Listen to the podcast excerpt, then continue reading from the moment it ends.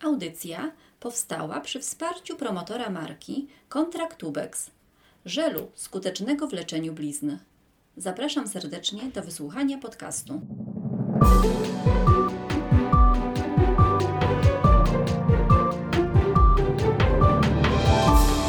Radioklinika. Rozmawiamy o Twoim zdrowiu. Witam Państwa bardzo serdecznie. Z tej strony Ewa Michalska, a moim dzisiejszym gościem jest pani Joanna Mróz, fizjoterapeutka uroginekologiczna. Witam Cię serdecznie, Asiu. Witaj. E, Asiu, dzisiaj chciałabym, żebyśmy e, porozmawiały o bliźnie, e, a konkretnie po czym poznać, że z blizną jest coś nie tak, że pewne symptomy wskazują na to, że blizna nie goi się prawidłowo albo coś z nią zaczyna się dziać niedobrego. Przede wszystkim pacjentka powinna zwrócić uwagę na to, czy ma gorączkę lub stan podgorączkowy bo to będzie pierwsza informacja od naszego organizmu, że coś jest nie tak, że na przykład wdarł się do blizny jakiś, jakiś stan zapalny albo zakażenie.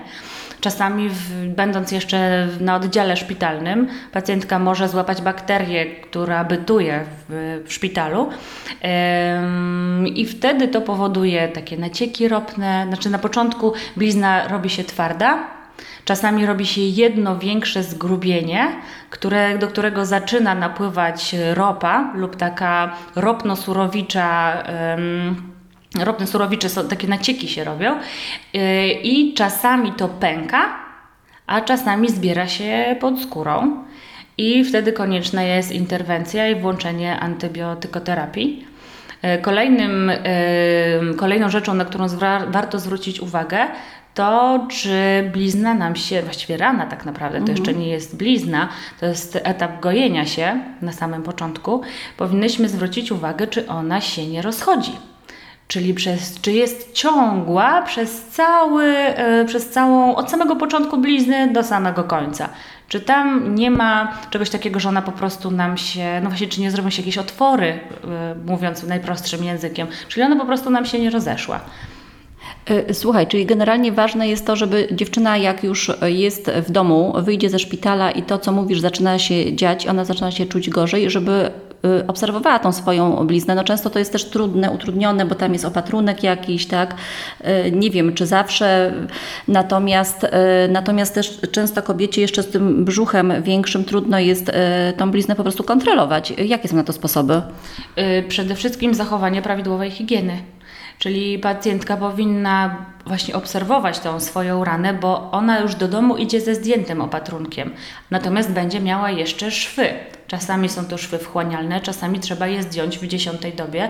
Ostatnio nowością jest y, zakładanie szwów na takie jakby klamry, takie klipsy. Troszeczkę to wygląda jak plastry i tego już nie trzeba jechać oddzielnie do szpitala zdejmować, e, więc ona powinna sobie oglądać tą e, ranę tak naprawdę no, codziennie wieczorem. Jeżeli ma bardzo duży brzuch, który został jej po okresie ciąży i jeszcze macica się nie obkurczyła, po prostu trzeba delikatnie tą fałdę taką skórno-tłuszczową podnieść delikatnie do góry i można sobie wziąć lusterko kosmetyczne i po prostu za pomocą lusterka obejrzeć sobie okolice rany lub podejść do lustra dużego, nie wiem, w przedpokoju i sprawdzić, jak ona wygląda. E, warto tutaj też wspomnieć o tym, że super metodą na to, żeby blizna się wietrzyła, czyli mhm. żeby była w dobrym, mm, żeby ona miała możliwość prawidłowego gojenia się, jest podwieszenie tej tkanki tłuszczowo-skórnej y, plastrami kinezjotaping do góry. I oczywiście noszenie bielizny wykonanej z takiej siateczki, czyli takich typowych majtek po poporodowych i jeżeli się zachowa prawidłową higienę i będzie się obserwowało tą ranę, to ona powinna prawidłowo się goić. Mhm.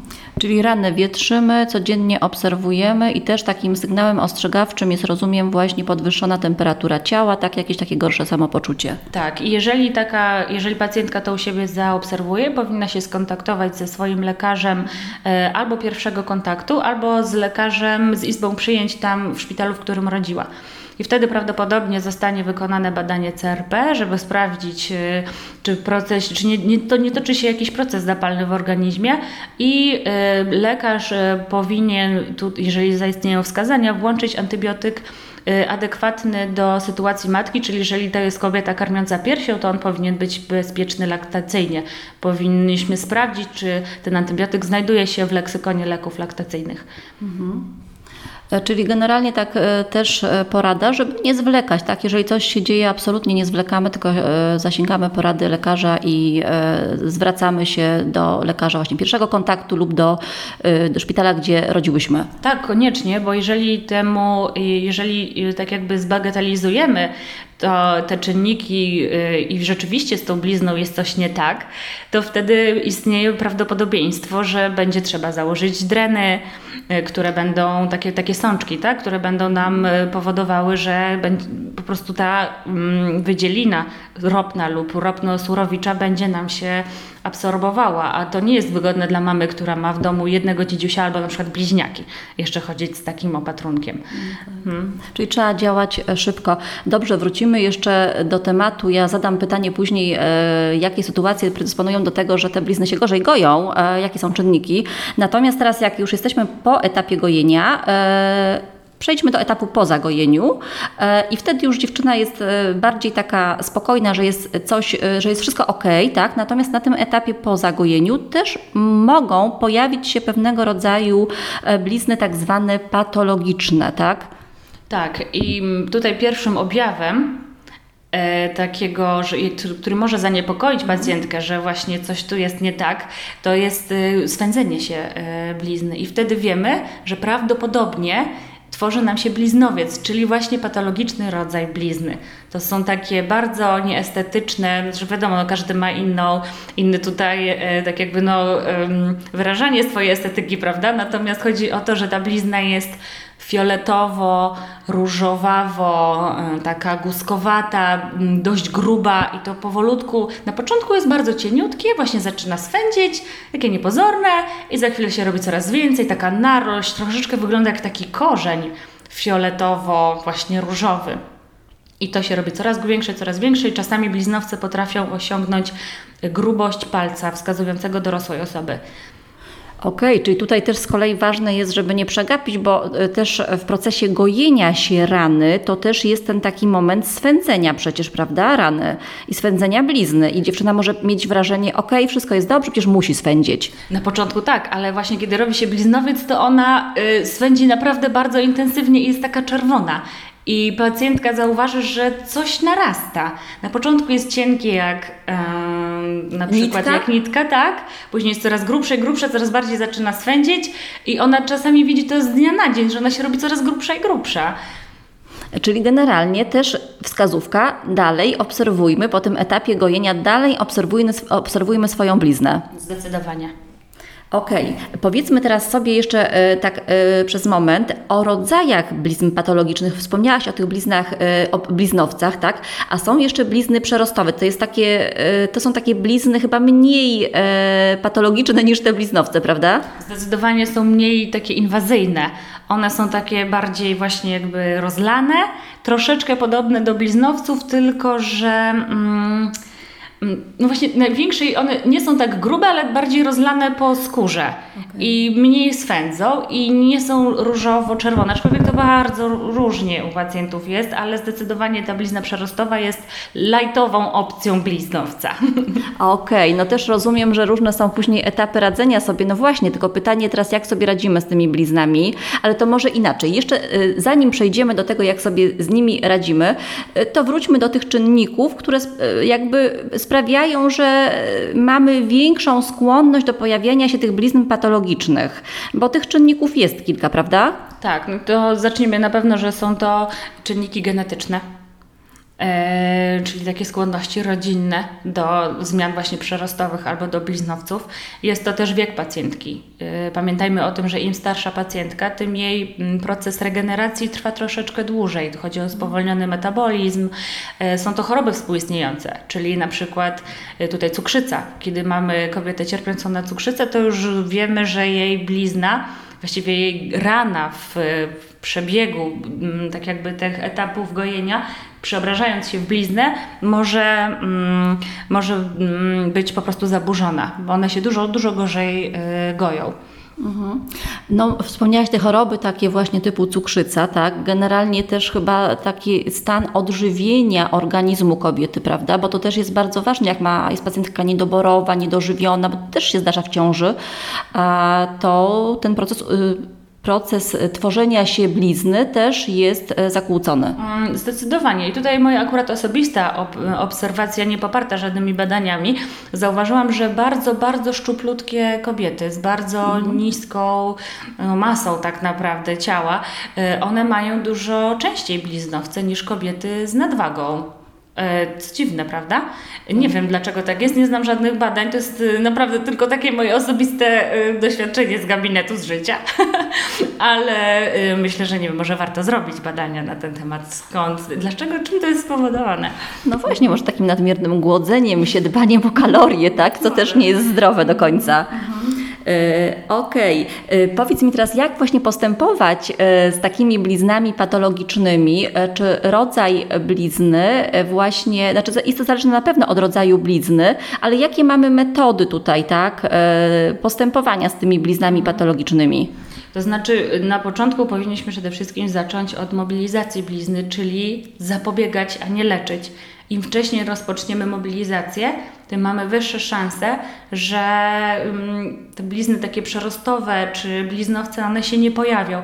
Aczkolwiek. Mm, to też nie ma nigdy stuprocentowej pewności, bo i mam mnóstwo bardzo fajnych, świadomych kobiet, które przychodzą na mobilizację 4 tygodnie po cesarskim cięciu.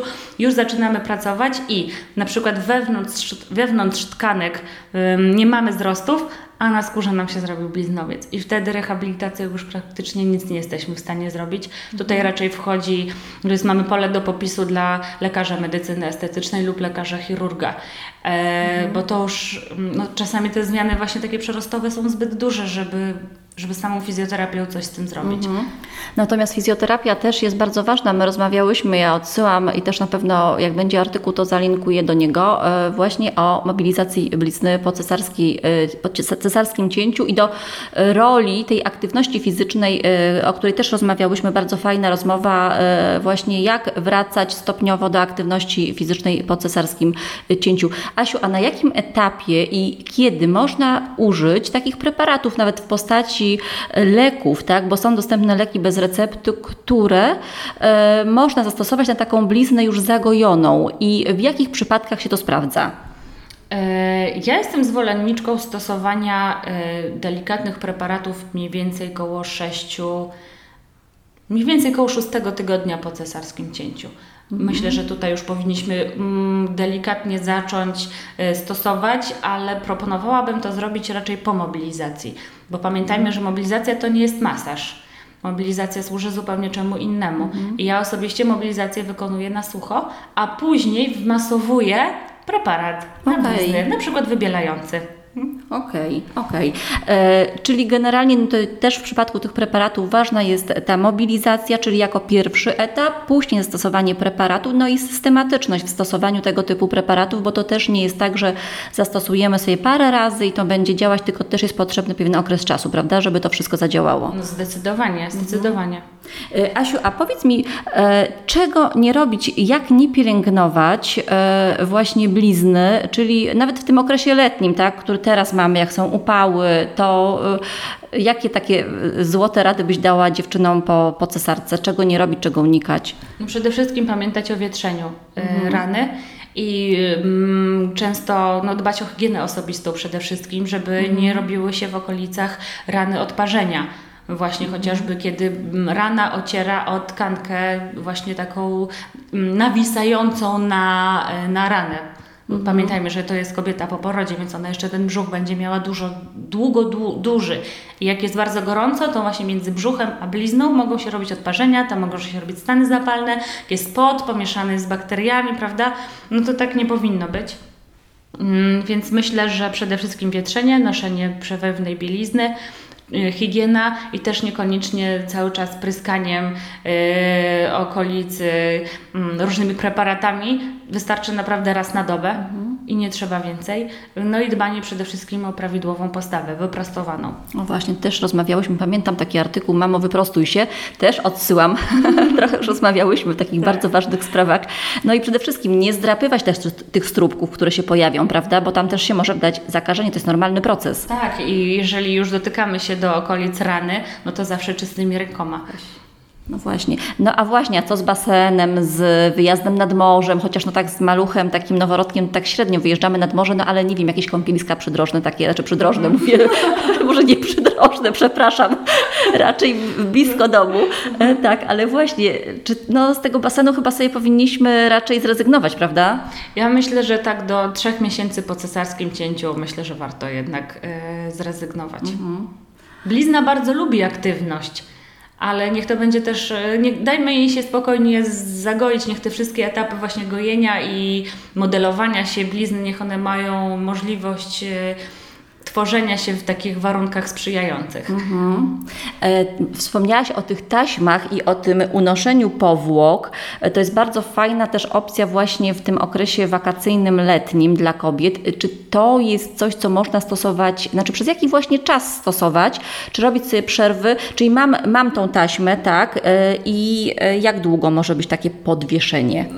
Ja myślę, że na zasadzie no, kilku godzin, około 12, no może kilku, nie kilkunastu, około 12 godzin, bo też, y, to znaczy ja to tak podwieszam, żeby to była tylko tkanka tłuszczowa, bo nie możemy w żaden sposób ingerować w obkurczanie się macicy.